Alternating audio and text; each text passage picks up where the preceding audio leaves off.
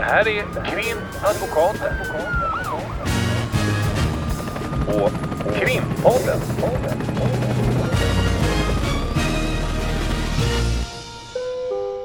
Parter och ombud kallas till sal 32. Hej Lotta! Hej Ulrika. Idag är det fredag och vi ska försöka hinna göra lite podd här innan arbetsdagen börjar. Mm. Och då har du eh, precis nu eh, läst en, ett inlägg i eh, I Aftonbladet. Aftonbladet, Oisin Cantwell. Så jag tänkte att vi kunde tjata lite mer om eh, sociala medier och advokaters ageranden och så vidare. Det är ju ganska uppmärksammat på olika sätt nu i, i eh, det offentliga. Eh, Och det är ju alltid intressant. Det, jag tycker att det är bra. Och att man får eh, uttala sig om det och så vidare. Så jag tycker att vi ska prata lite mer om det helt enkelt. Den här um, um, eh, krönikan som han har skrivit. Eh, där eh, kan man väl säga att han uttrycker någon sorts eh, eh, oro för att eh, de senaste disciplinavgörandena och samfundets uttalande om hur vi som advokater ska agera på sociala medier att det skulle påverka advokater att tystna. Det vill säga hindra oss från att eh, delta i rättspolitisk debatt och Vilket uttala då som man tolkar i förlängningen då skulle kunna leda till att advokatkåren tystas eh, och har inte rätt till samma yttrandefrihet som alla andra och i en tid som vi lever i nu så är det oerhört viktigt att advokater får uttrycka sina rättspolitiska åsikter. Mm, så tolkar jag, jag har också läst artikeln nu, så tolkar jag det, jag kanske övertolkar det. Mm. Och det vi reagerade på när vi läste den här artikeln Mm. är ju att det förefaller som att han dels blandar ihop äpplen och päron Mm. och att han egentligen inte riktigt har koll på vad Advokatsamfundets disciplinavgöranden är för någonting. Vad är Advokatsamfundets disciplinavgöranden? Mm, eh, ja, det kan man ju för sig ta då att samfundet har ju en sorts eh, tillsynsverksamhet över eh, advokater.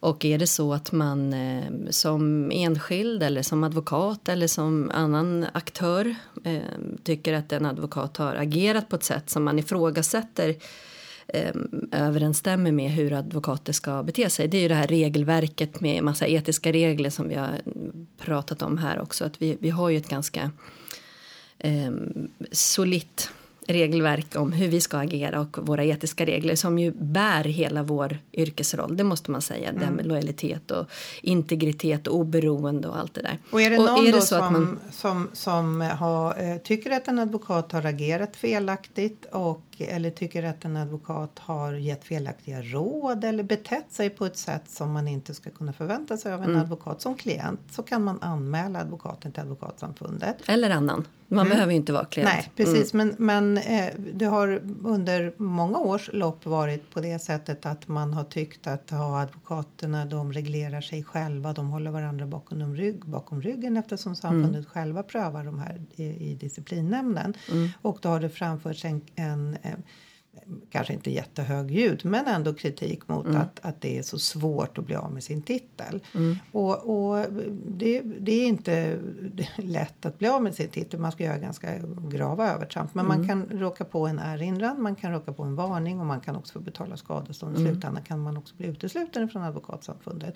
Och det skulle betyda om vi råkade ut för det att vi inte längre får vara offentliga försvarare. Därför att försvarare som offentlig försvarare utsedda av domstolen kan man inte vara om man inte är just advokat. Så det är en skyddad titel på det sättet. Men det som, det som han skriver eh, om det är ju den senaste tidens disciplinavgörande beträffande hur advokater har agerat ute i sociala medier. Och då är det Facebook och Instagram framför allt som är det som har varit diskussionen. Exakt. Men Jag vill bara säga också att enligt min uppfattning i alla fall, de här disciplinavgörandena, de publiceras eh, på samfundets hemsida.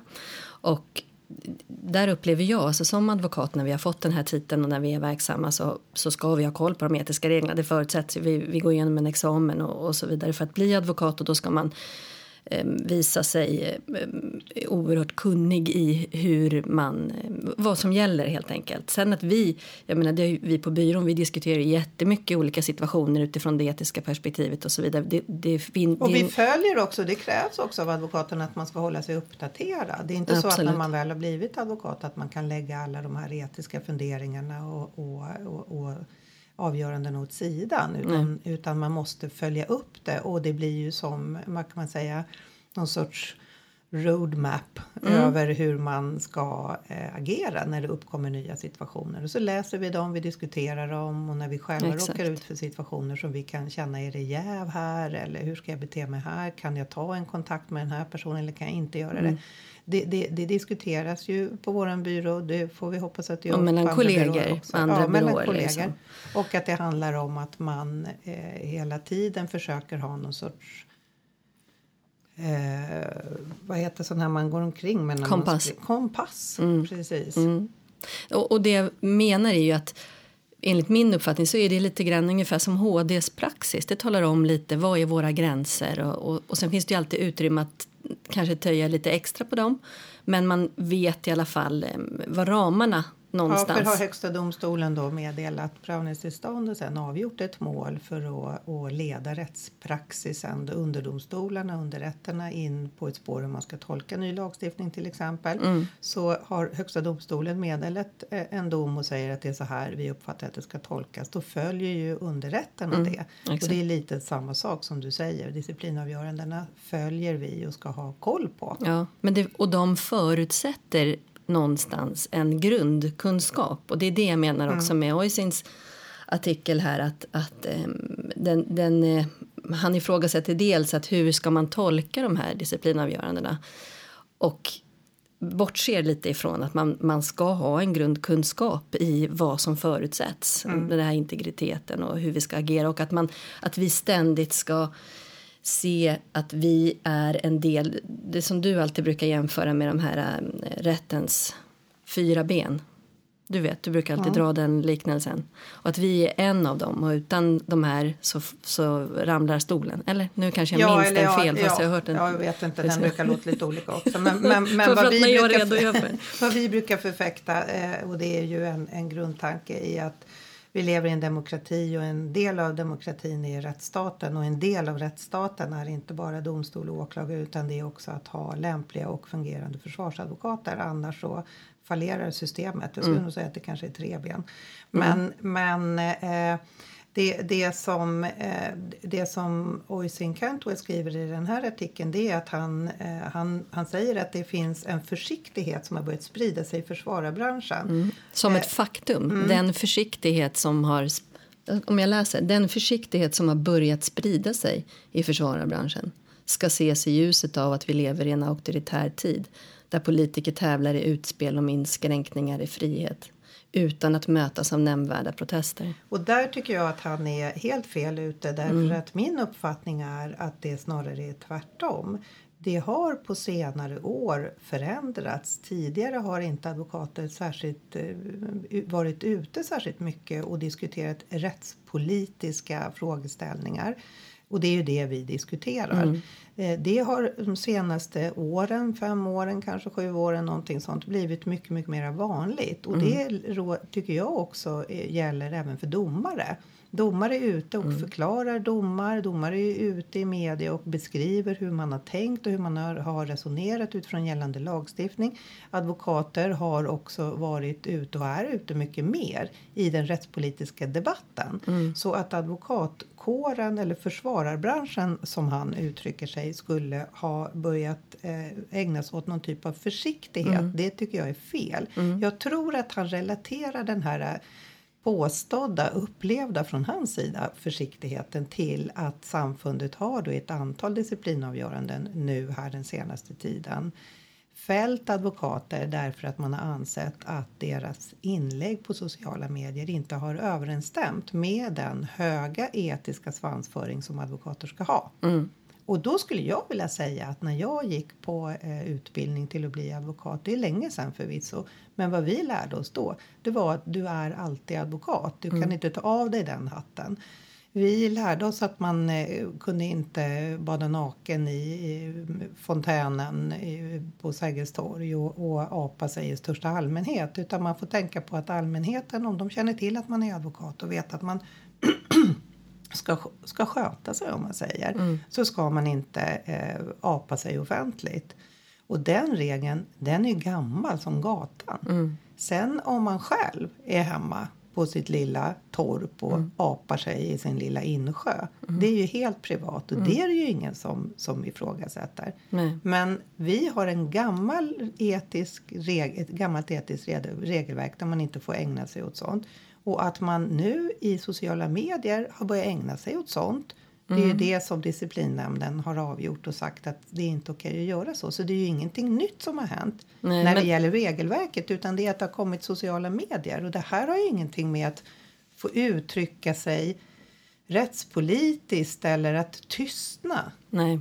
Nej, men det är väl där också missförståndet någonstans blir, enligt min uppfattning. Därför att vi befinner oss nu, tycker jag, i en tid i, i vår lilla bransch eh, där man försöker applicera den här synen som du beskriver nu med fontänen då, och det här hur man ska agera eh, offentligt eh, som advokat. Och hur ska man applicera det i det, det nya, den nya världen? Ja, tidigare säger. fick man liksom räkna alla olika fontäner som Ja. fanns på olika platser i Stockholm. Nu har vi Ungefär. sociala medier som man inte ska då bete sig i. Mm, men, men en helt annan spridningsmöjlighet Mm. och, och också att det då tangerar till marknadsföring och så vidare. Och hur ska man agera i det? Och därför är det ju såklart också välkommet att det har kommit ett sånt här vägledande uttalande hur vi ska tänka och så vidare som egentligen inte heller är nytt. Det, är inte, det Det, är knappast vilar fortfarande på det, Ja. det, det, de gamla uttalandena. Men i och med de här disciplinavgörandena då, så, så försöker man på något sätt att hitta de här ramarna enligt min uppfattning. Och jag skulle nog säga att när det har, har framförts, det framkommer även i hans debattartikel, när det framförs då att man skulle vara orolig för en anmälan till disciplinnämnden om man kommenterar en dom eller gör ett rättspolitiskt uttalande. Det är nog min uppfattning att det behöver man inte vara om man Nej. läser det här. Dels eh, det här nya regelverket som egentligen bara är en komplettering av det gamla och om man läser eh, de här disciplinavgörandena. Eh, det, det som samfundet talar om i disciplinavgörandet det är att man inte ska avslöja vilken klient man har. Det är basic. Det ska inte framgå vilken som är klienten eller vem. Vi har en tystnadsplikt helt enkelt. Eller vem som är motpart. Eh, och sen så ska man inte bete sig på ett sätt som kan göra att allmänheten börjar sakna förtroende för en av de här grundpelarna i rättsstaten. Mm. Och heller inte kränka de inblandade parter, även de som inte är ens egen klient. Alltså Och göra uttalanden som på något sätt Precis. drabbar andra i målet. Och om man då rättspolitiskt kommenterar en dom. Det finns, det, det finns ingenting som säger att man skulle hamna i disciplinnämnden. Och skulle man hamna där så finns det ingenting som säger överhuvudtaget att man ska bli fälld för det. Utan när, när det gäller rättspolitik så tycker jag nog snarare att den senaste tidens diskussioner i advokatkåren öppnar för att det ökar. Därför att många inom advokatkåren är oroliga för den samhällsutveckling vi har idag. Och då känner man bland gemene man hos advokaterna att det är nog viktigt att vi försöker att beskriva inom vad det är vi kan bidra med, vad det är vi bidrar med och en oro för framtiden. Otroligt viktigt. Otroligt viktigt att vi eh, pratar om det. Också jag håller med dig i det. Alltså vi skriver debattartiklar, vi gör ju den här podden. Vi har kollegor, det är två poddar till där det är advokater som pratar. Vi har en annan kollega som är ute och pratar mycket.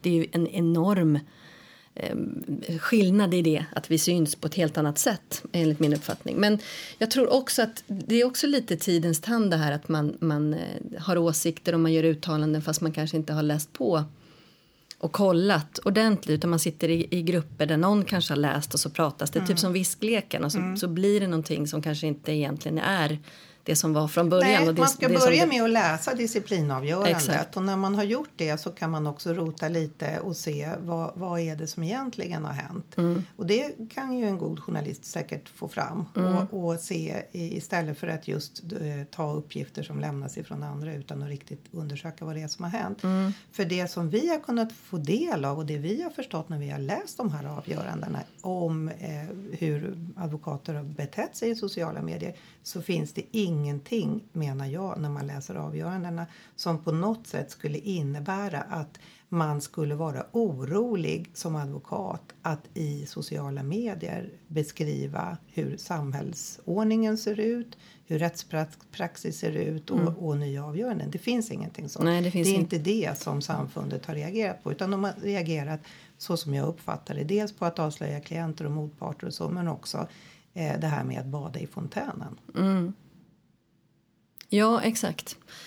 Um, Men jag tror också att i, i den debatt som har varit kring ett särskilt, ett särskilt av de här fallen så har det varit eh, ehm, att man eh, tar vissa delar i, i samfundets uttalanden eh, som har varit med i det här, i, i det här fallet, då, ett inlägg på Instagram där man, eh, ehm, där man, som jag upplever nu när vi tog ut det här disciplinariet och läste det så handlar det ju också mer om att man från advokatens sida har uttryckt en viss leda över att man, man sitter i en, i en förhandling.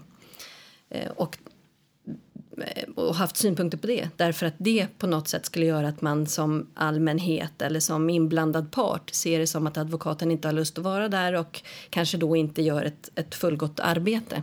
Mm. Eh, men i, i eftermälet, eller om man säger i kölvattnet av det så har det istället handlat om att advokaten har visat på mänsklighet och uttryckt att man eh, saknar sitt hem eller sina barn i det här specifika fallet. Då, att, att man då inte skulle få vara mänsklig som, som advokat. Och det, det är ett sånt tydligt enligt min uppfattning i alla fall så är det ett sånt tydligt missförstånd i eller medvetet missförstånd på mm. något sätt att man, man lyfter det på den, på den sidan. För att det här med att bada i fontän, precis som vi säger, det är inte så att vi inte får vara mänskliga eller att vi får liksom uttrycka något, något personligt i, i, det, i det generella. Men eh, ja, det blir ju så oerhört missvisande och det förvånar mig. Jag vill också säga det. Jag tycker att Oisin, han har ju fått pris från samfundet också. Jag tycker mm. att han i, i väldigt, väldigt många uttalanden och i artiklar har sagt väldigt bra saker. Mm för vår bransch och för rättssäkerheten och förstå det på ett sätt som få gör. Och att jag oftast går in och läser hans när det handlar om, om någonting inom rättspolitik eller vår bransch eller något uttalande som har gjorts därför att han har ett, ett öga och en, en ton som, som gränsar till hur vi ser det, vilket jag tycker är ovanligt. Så just det här, anledningen till att jag reagerar är ju att det, det skiljer sig. Jag förstår inte riktigt varför han inte, han brukar göra en en mycket mer research helt enkelt. Och vad jag kan också se här i artikeln är ju också att han del, dels menar att det har spridit sig den här försiktigheten mm. som vi är av en motsatt uppfattning, eh, snarare tvärtom. Men att han också drar, eh, drar det vidare till att eh, det här nya förslaget om att polisen ska få göra husrannsakningar även om inte eh, personer är misstänkta för brott det är ju någonting som vi har reagerat på självklart. Att man, vi har haft synpunkter på det. Vi har tänkt att vi kanske ska podda om det här förslaget. Vi mm. har ännu inte hunnit fram dit. Men eh, det är ju inte så att vi skulle vara oroliga när vi sitter här och poddar för att diskutera det lagförslaget. Nej, verkligen inte. Det är bara det att vi inte har hunnit. Mm. För nu kom det här emellan därför mm. att du läste Aftonbladet mm. här på morgonen. Det blir mycket reklam för en tidning här också. Ja, just det. Vad bra. Eh, han avslutar också med att säga att det, är, eh, det skulle vara olyckligt om denna röst tystnade, det vill säga advokaters röst tystnade och att advokatsamfundet eh, behöver förtydliga och eh, förtydliga vad de nya reglerna innebär. Och där kanske det låter lite von oben av mig att säga men jag tror att advokater som läser avgörandena, de är till för advokater eh, förstår mycket väl vad mm. eh, de nya reglerna och avgörandena i disciplinnämnden syftar till. Mm. Och det är som sagt, det är ingen nyhet. Det är det att vi har fått en jättestor fontän via internet. Mm. Jag tror vi avslutar med ja, det. Ja, där avslutar vi. Tack. Tack. Krimpodden.